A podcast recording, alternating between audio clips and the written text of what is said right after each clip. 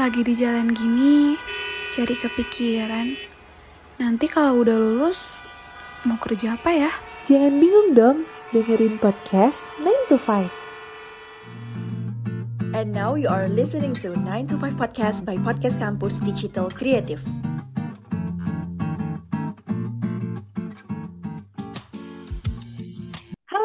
Podcast, listener semua, kembali lagi di 9 to 5 podcast by Podcast Campus Digital Creative.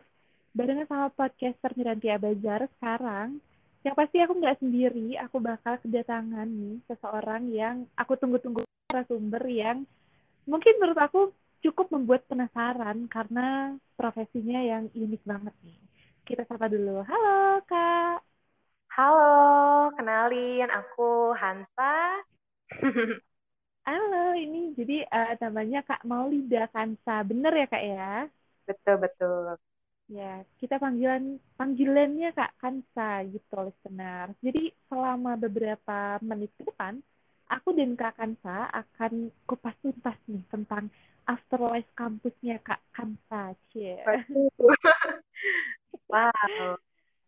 Iya, tapi sebelumnya nih listeners, aku bakal kasih tahu dulu siapa sih Kak Kansa ini. Jadi Kak Kansa ini adalah eh, dulunya mahasiswi atau lulusan dari Universitas Pajajaran. Oh, kampus impian nih. Terus Oh, juga, iya. Terus juga Kak Kansa ini aktif di organisasi dan komunitas Persma Pena Budaya. Wow.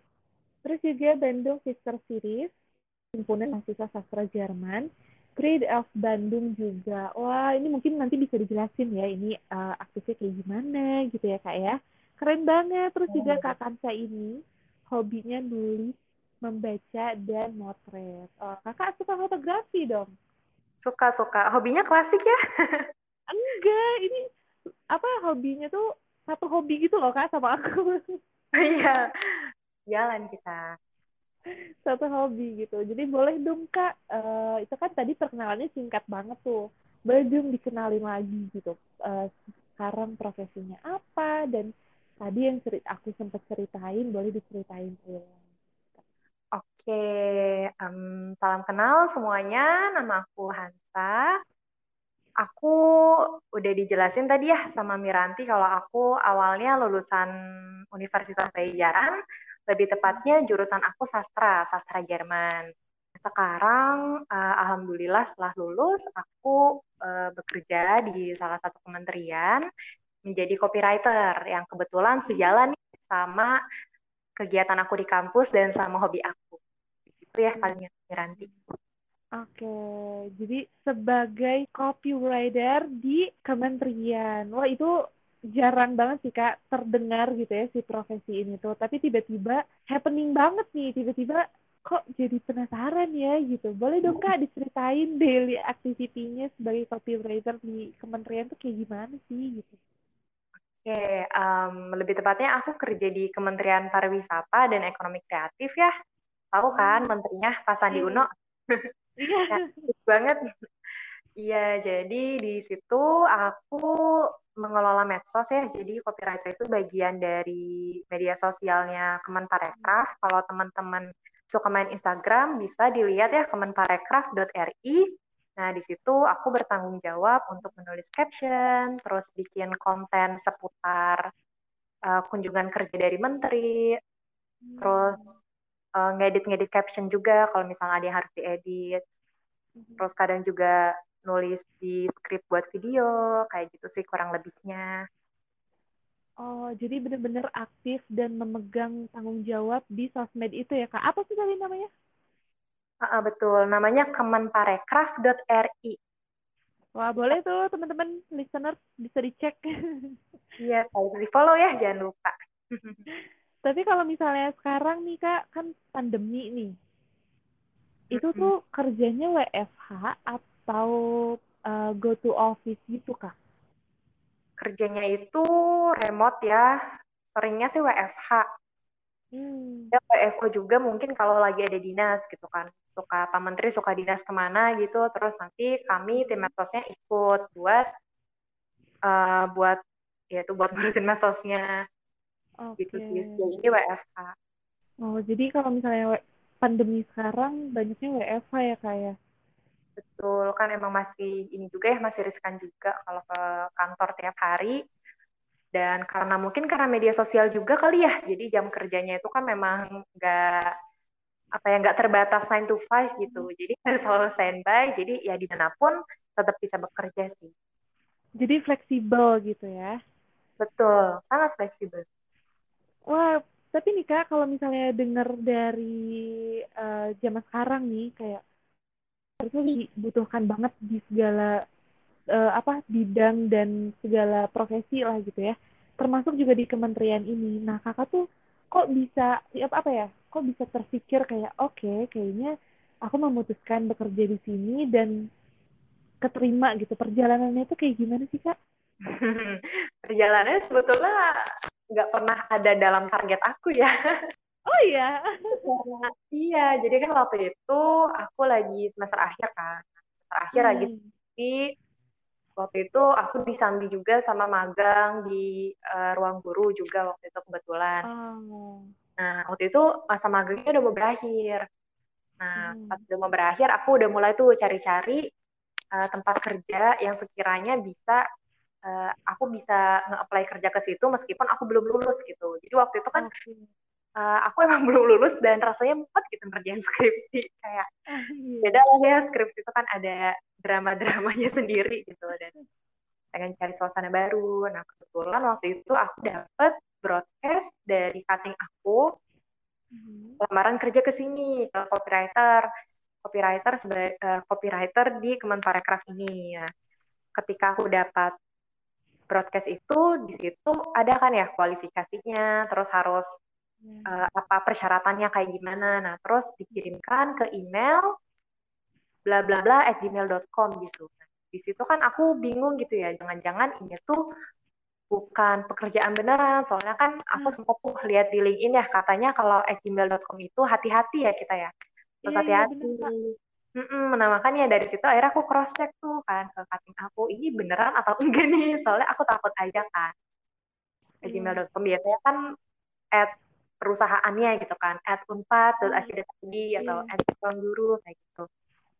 Nah akhirnya kata cutting aku uh, mungkin bisa dicoba ya udah akhirnya aku coba lah dengan hmm. nekat aja waktu itu kan. Terus ternyata selama sebulan itu nggak ada kabar.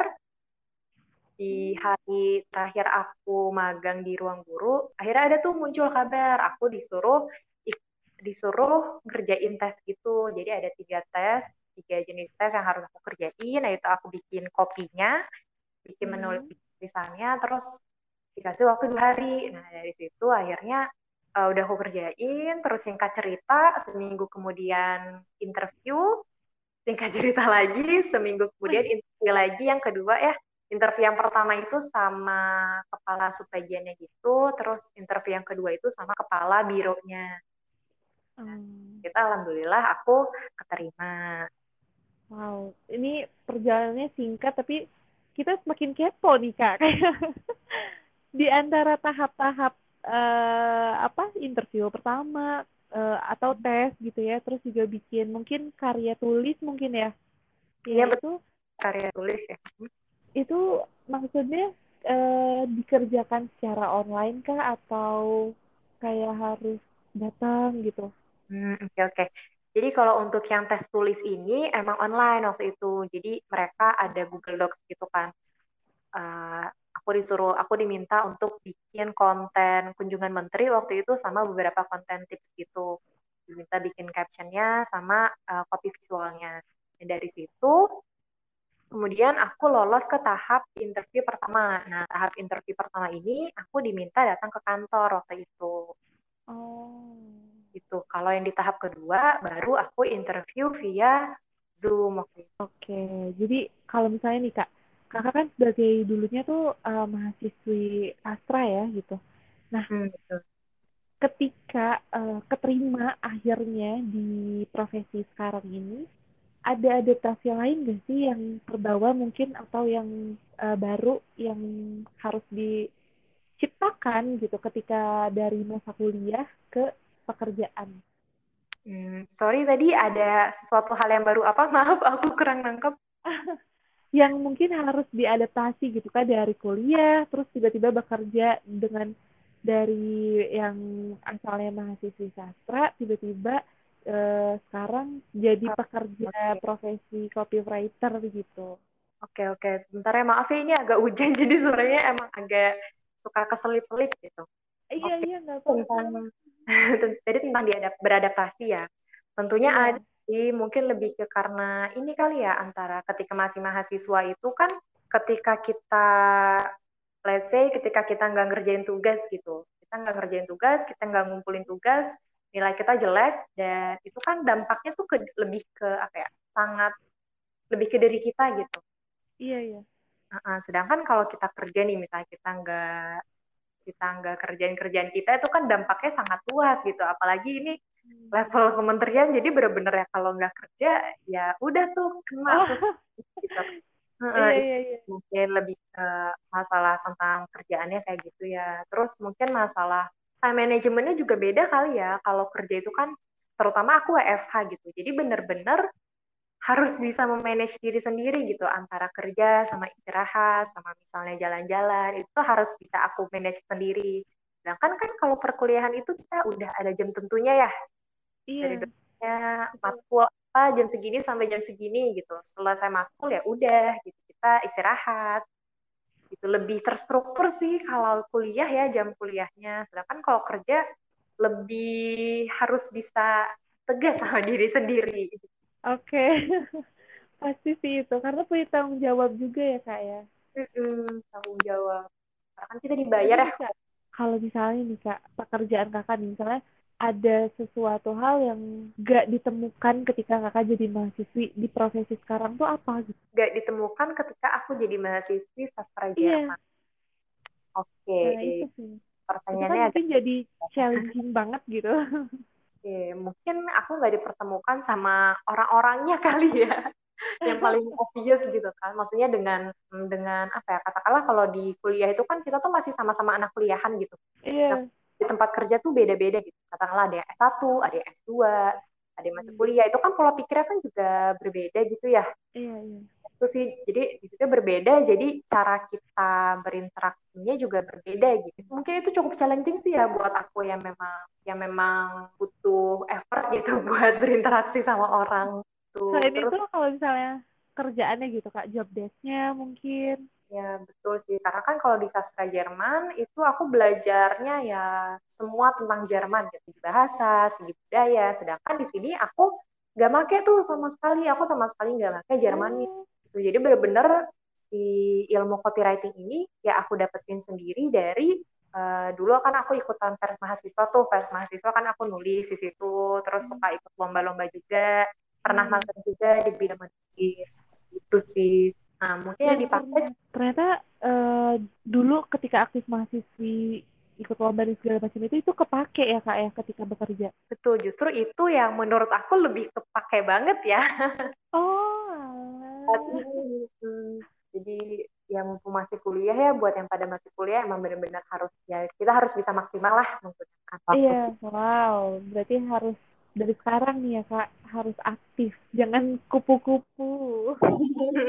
Ya, mungkin ya betul sih. Maksudnya kalau kupu-kupunya memang kuliah pulang, kemudian pas saat pulang itu ada kerjaan gitu kan, ya nggak masalah. Iya. Tapi dulu kakak tipikal yang gimana ya? Maksudnya kalau misalnya aku kerja tuh harusnya di sini deh gitu, atau aku kerja di sini dulu, batu ba- eh, baru akan batu loncatan ke sana gitu. Atau ketika udah ada di profesi ini kayak oke aku harus berkembang di profesi ini dengan job desk yang gini gini gini gini. Oke, itu pertanyaan susah sih sebetulnya karena sama aku juga masih aku masih tahu gitu jawabannya. Mungkin aku bisa tergolong idealis kali ya, kayak pengen kerjaan aku itu di bidang yang aku sukai. Sedangkan Oke. kita tahu kan kalau kita tuh nggak selalu dapat apa yang kita sukai gitu, meskipun kita udah Iya. berusaha Nah, iya itu. Nah, ketika aku udah mendapatkan pekerjaan ini, jadi dulu tuh aku mikirnya kayak gitu kan. Aku mikirnya aku harus kerja di bidang yang aku suka. Akhirnya aku ngedalamin lah itu. Aku udah tahu bidang aku ini nih aku pengen akunnya di bidang nulis. Oke, berarti di sisa waktu aku tuh waktu itu aku baru aku baru nyadar gitu ya di semester akhir deh kayaknya baru akhirnya di semester akhir itu aku banyak-banyakin ikutan um, tentang kelas menulis, webinar penulisan, kayak gitu-gitulah. Dari situ sih aku ngerasa itu ngebantu banget. Tuh. Oke. Okay. Tapi Kak, uh, kalau misalnya di profesi kakak sekarang ini nih ya, dengan memegang si sosmed yang mungkin ini tuh bener-bener handle by kakak banget gitu. Jadi tanggung jawab penuh atas sosmed ini biasanya bedanya dengan kayak uh, seminar-seminar menulis kayak gitu dengan bedanya profesi kakak sekarang? Bedanya itu lebih ke ini sih, kan audiensnya ya. Kalau di sini kan audiensnya real ya. real yeah. dan seluruh Indonesia gitu. Itu kan sangat apa ya butuh kata, hmm, bukan butuh kata ya. Ya, ya bisa dibilang butuh kata kali, butuh kata yang netral, yang enggak yang apa ya istilahnya enggak mengucilkan yang lain gitu. Karena kan iya, audiens aku kan orang Indonesia seluruhnya gitu kan. Jadi iya. itu sih challenging banget di situ. Nah kan, kalau webinar-webinar itu lebih ke mereka ngasih masukan kayak gini gitu nah sekarang ini aku prakteknya kayak gitu. Hmm. berarti harus lebih berhati-hati dalam menyusun kalimat gitu ya kak ya? Mm-mm, mm betul banget. Gak semua gak semua tren tuh bisa kita ikutin gitu Salahnya. biasanya biasanya kalau misalnya mau upload nih, misalnya konten A misalnya, terus kakak mau upload. Nah, itu tuh biasanya dikasih materinya dulu kah atau ada briefingnya dulu kah atau kayak gimana sih kak? Mm-mm, jadi alurnya itu emang udah ada sih konten-konten konten hari Selasa kontennya ABC hari Rabu ABC itu udah ada terus nanti uh, aku diminta buat bikin captionnya gitu captionnya atau bikin copy visualnya terus nanti di ACC sama kepala subbagiannya terus nanti baru di-upload gitu sih masih ada tahapannya. Oke, okay. berarti emang udah ada timeline schedule-nya ya kak ya? Mm -mm, ada schedule. Ih, seru banget, aduh. semester berapa? Kalau misalnya nih kak ya, kalau misalkan ketika mungkin kakak lagi uh, harus upload nih di target misalnya gini gini, gini terus kakak tuh lagi suntuk banget gitu. Sedangkan hobi kakak tuh menulis juga gitu. Nah itu gimana gitu. Iya ya. Um, tapi sebetulnya aku bukan tim uploadnya sih. Aku lebih ke nulisnya. Kalau tim uploadnya nanti ada lagi gitu. Kebetulan oh. tentunya aku belum belum jadi admin gitu lah ya. Nah tapi kalau tadi pertanyaan kamu itu kan gimana caranya aku um, bisa tetap ngerjain kerjaan aku gitu ya meskipun suntuk yeah. gitu ya iya. Betul. Sedangkan biasanya kan kalau misalnya uh, orang lain misalnya hobinya memasak gitu dari yang harusnya nulis dulu terus ah masak dulu deh gitu. Kalau kakak tuh gimana? Karena profesi sekarang dan hobinya tuh sama gitu. Mm-mm, betul banget sih itu juga um, jadi tantangan tersendiri juga sih kalau orang-orang kan bilangnya apa ya kalau kerjaan sesuai passion tuh enak gitu. Emang enak sih betul tapi itu gak memung apa ya hal tapi bisa dipungkiri gitu. Kalau aku pribadi cara nangannya itu aku nulis diary biasanya. Aku lari, jadi aku larinya tetap menulis, tapi lebih ke nulis diary gitu. Lucu banget. Iya, kayak oh ya ampun masa udah segede gini masih nulis diary sih. Kadang aku juga nyatanya sih ya kenapa gitu. Cuman enak aja gitu kan ya kalau kita nulis diary itu kita bebas gitu. Benar-benar nggak ada aturan, nggak ada nggak ada orang lain yang harus kita perhatiin. Bahasa kita juga bisa kita pakai sebebas-bebasnya mengekspresikan apa pun perasaan kita gitu. Iya bener banget sih. Aku jadi bernostalgia nih waktu SD nulis diary iya ya ampun aku juga punya banyak banget jenis buku diary dari yang gembok sampai yang pandi pokoknya. Iya iya bener. Kita tim nulis dari diary dari yang bentuknya kotak sampai yang lope gitu banyak macam-macam yang ada fotonya juga foto kita sendiri kita tempel ya ampun. Lucu banget. Berarti berarti pengalihannya ke situ ya ke nulis diary itu? Mm ya sih kalau aku pribadi kayak gitu ya. Nggak bisa jauh-jauh dari nulis. Aduh berarti emang udah udah sejiwa semati banget nih sama menulis gitu.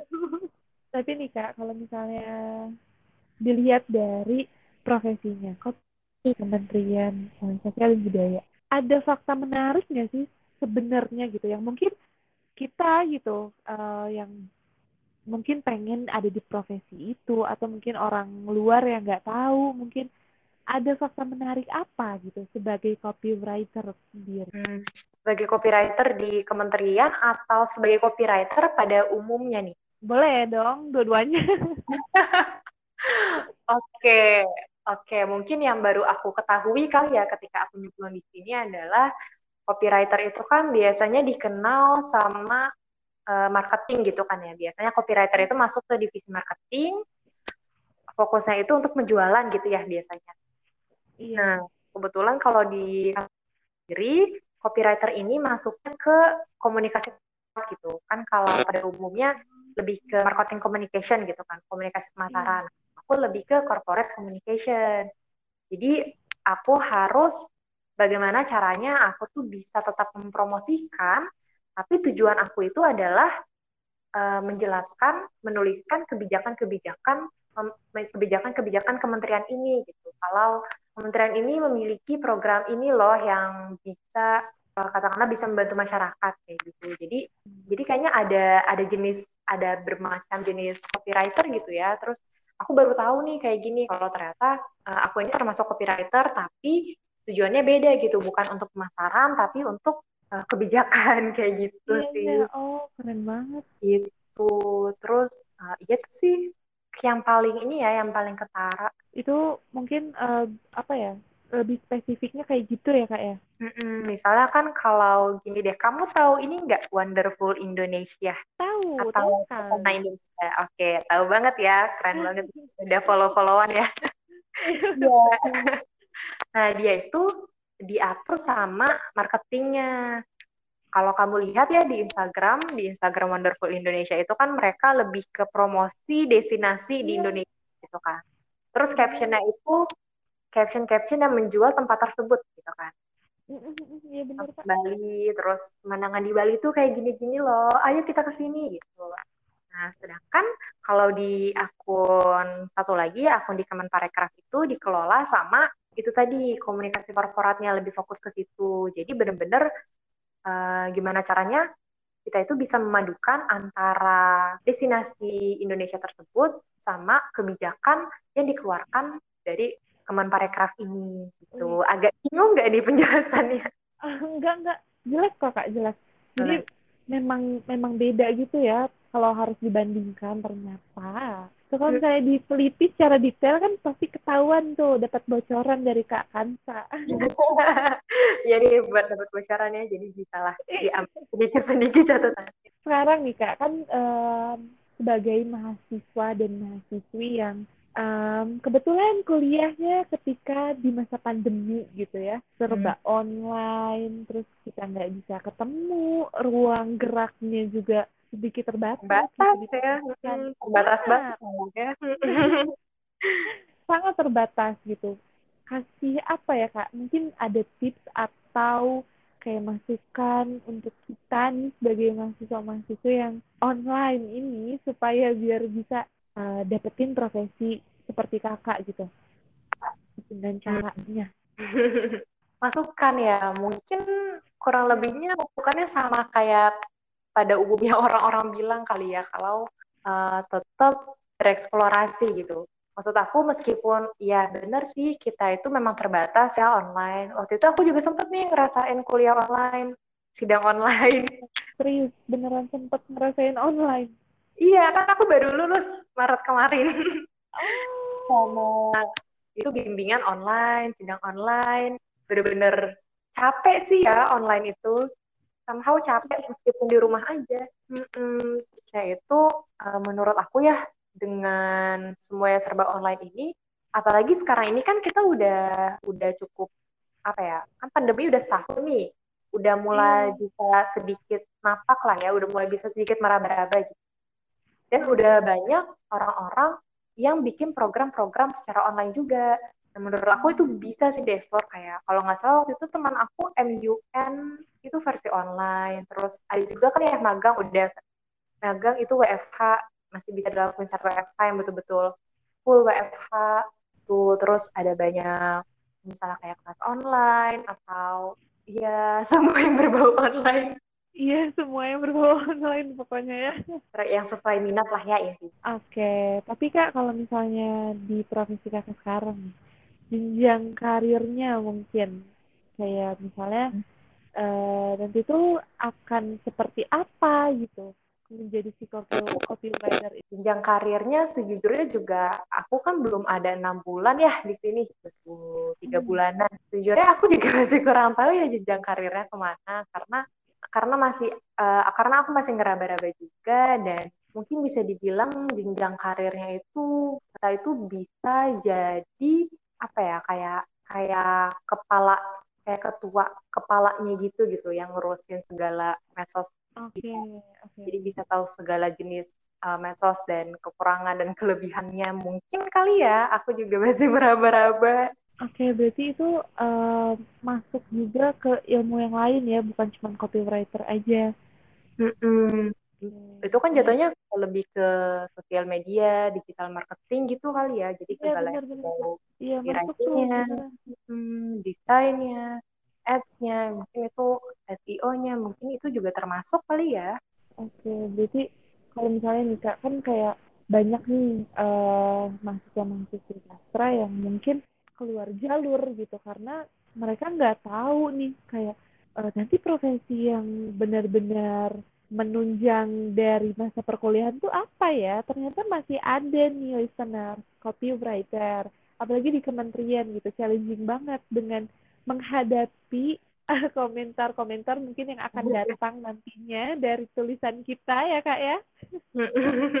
Nah teman-teman boleh banget sih tanya-tanya sama kak Kansa melalui Instagramnya. Pasti dijawab kan kak? boleh boleh aku jawab kok pasti jawab Ya boleh dong dikasih tahu Instagram kak Kansanya di spill aja. Oh, Instagram aku KHNSAMLDA. Oke. Agak ribet ya. Kadang suka dipanggil, oke. Kadang suka dipanggil sama teman aku jadi Kansa Hamnida gitu, diplesetin. Hamnida. Oke, nggak apa-apa. Kamsahamnida, lucu banget. Jadi terima kasih dong. Iya ya. Nggak apa-apa lu. Seru banget ternyata ya. Tapi kalau misalnya sendiri nih kak, aku penasaran kalau misalnya di kementerian kan kalau kedengerannya tuh kayak, aduh harus eh, patuh banget nih, harus kaku gitu mungkin kedengerannya.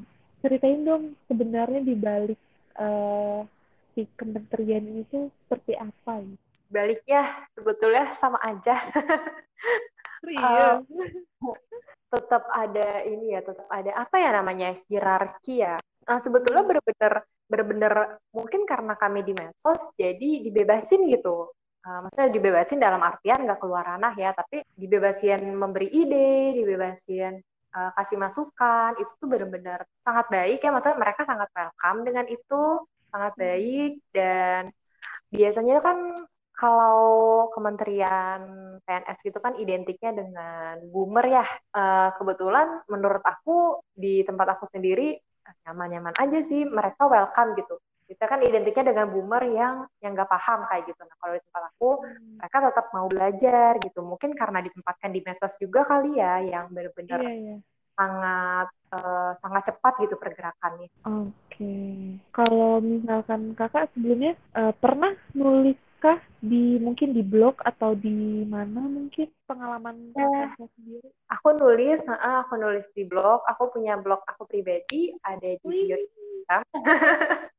keren banget. Aku mau mampir, aku mau mampir. Waduh, jangan bilang-bilang aku suka malu. Gimana Iya. tuh kak? Tentang apa nih? Iya. Tulisannya itu tentang apa? Tulisannya itu sebetulnya awalnya aku lebih pengen tentang aku kan suka jalan-jalan ya, suka motret.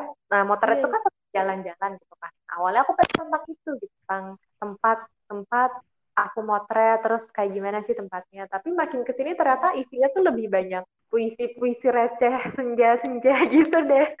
Oh, jadi ini ya, eh, itu apa? Pindah haluan gitu.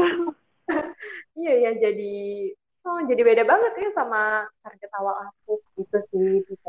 Eh, Tapi berarti Kak, yang aku sih dapat simpulkan ya listener juga, Kak Kansa ini eh, mulai dari pengambilan jurusan kuliah, terus juga hobi, terus juga aktif di bidang yang ditekuni pada saat itu, sampai akhirnya membawa Kakansa ini ke profesi yang diminati juga gitu. Itu tuh jarang banget loh kak terjadi. Banyaknya tuh yang tiba-tiba ke mana ke mana gitu ke pontang panting arah gitu. Dan ternyata kuncinya adalah konsisten bener nggak kak Betul, harus benar-benar konsisten ya. Kalau misalnya, ya let's say gagal juga aku pernah dan banyak juga sebetulnya. Cuman ya udah gagal kan part of the process gitu. Jadi harus Iya. lagi coba lagi coba lagi coba terus. Banget. Berarti kak, kakak misalkan nanti nih udah misalnya udah eh, dua tahun menjadi copywriter misalnya, terus nanti eh, ada keinginan kakak untuk misalnya bekerja juga di profesi lain atau enggak deh aku di sini aja gitu. Ke depannya aku sebetulnya juga sambil nyambi sih sama yang lain juga kebetulan karena di sini aku nggak dipakai bahasa Jermannya, nah aku buka privat sendiri bahasa Jerman. Oh, Tertarik? Boleh hubungin aku. Privatnya online sih sejauh ini. Kalau offline Bisa aku yang deket-deket aja. Hmm, Boleh tadi dong kita kita ikutan nih. pertanyaan? Boleh dong, boleh banget. Apa nih kak melalui online? Boleh melalui aku. Kalau mau nanti bisa ngechat aku. Oh, wow. Berarti profesi sebagai copywriter di kementerian ini bisa sambil juga ya, Kak? Dan itu nggak ada pantangan, kan? Tantangan kayak gim- tantangan Kayak atau misalnya tantangan? pantangan kayak misalnya eh, kalau misalnya jadi copywriter di kementerian tuh nggak boleh eh, sambil bisnis misalnya kayak gitu. Kan kalau misalnya sekarang sebagai mahasiswa-mahasiswi tuh pengen berbisnis juga, pengen kerja profesi juga gitu, Kak. Hmm, sejauh ini kalau aku pribadi nggak ada pantangan sih. Kan aku freelance ya, jadi nggak nggak selalu. Kalau lagi ada ya ada, kalau enggak ya nggak ada. Oke, iya seru banget. Beruntung banget yang bisa seperti kayak Kak Kansa ini ya. Jadi searah terus dari kuliah sampai profesi. Meskipun di tengah-tengah suka ada yang banting setir juga sih, ada pengalaman kayak gitu juga. Oh ya ada. Ada waktu itu banting setir judul skripsi sih aku pengennya apa, Oh, tapi malah tapi malah ke yang lain gitu. Apa ya normal. karena naik turun nggak apa-apa. Berarti tidak begitu eh, banyak adaptasi ketika eh, profesinya sebagai copywriter ya saya. Mm-mm. Selama udah sering nulis sih ya insya Allah mungkin bisa ngebantu kita sih hal itu bisa hal itu bisa ngebantu kita banget sih. Kalau misalnya nulis sekarang tuh kalau misalnya di medsos gitu kak harus pakai eh, kalimat yang sesuai KBBI gitu atau bebas aja gitu mengikuti alur zaman. Hmm, kalau di aku pribadi sih bebas ya meskipun kalimatnya tetap menggunakan struktur yang struktur yang baik gitu kan struktur STO itu tetap dijalani gitu cuma terkait bahasa baku dan bahasa tidak baku kalau aku sih ngikutin Ivan Ladin aja ya ngikutin Oh. udah Ivan Ladin gitu kan bilangnya eh, kaku tidak mesti baku gitu katanya nah aku setuju tuh sama beliau aku tidak. Benar-benar oke. Berarti itu terpakai juga ya kayak. Tetap Kakak tetap sekarang tinggal belajar bahasa tinggal di manakah? Aku di daerah Jabodetabek, di Depok. Aku anak Depok. Oh Depok. Berarti waktu kuliah ngekos di Bandung ya? Iya, ngekos. Jatinangor. Wow. Seru sekali. Iya, buat kalian yang ngekos, ya explore aja lah tuh mumpung bebas kan tuh ya. Puas-puasin ya hal yang bermanfaat. Hmm, setuju. Oke, berarti ini benar sih Kak, ini menyenangkan bagi eh, listeners yang mungkin eh, minat di profesi ini dan juga eh, menekuni bacaan dan tulisan pastinya. Boleh juga tuh, tadi udah di-spill nama Instagram Kak Kansanya, boleh dicatat, boleh di DM aja. Jadi nanti kalau misalnya nggak dibalas, jangan nge-DM ke A- DM Kak Kansa langsung. Oke deh Kak, kita udah di penghujung acara, tak acara cenah ya. Tapi sebelumnya, aku mau kasih Kak Kansa tiga uh, this or that. This or that? Oke. Jadi Oke. Jawabnya harus cepat ya. Oke deh. Kalau nggak cepet Jawab. berarti internetnya nih. Iya, nggak boleh, nggak boleh alasan. Oke oke, boleh boleh. dijawab, ya dijawab dan langsung alasannya kenapa. Oke? dimulai. Oh pakai alasan. Iya, pakai dong. Kan cinta nggak butuh alasan. Ay, semua di dunia ini ada alasannya. Oke oke. Keren banget sih, Kak.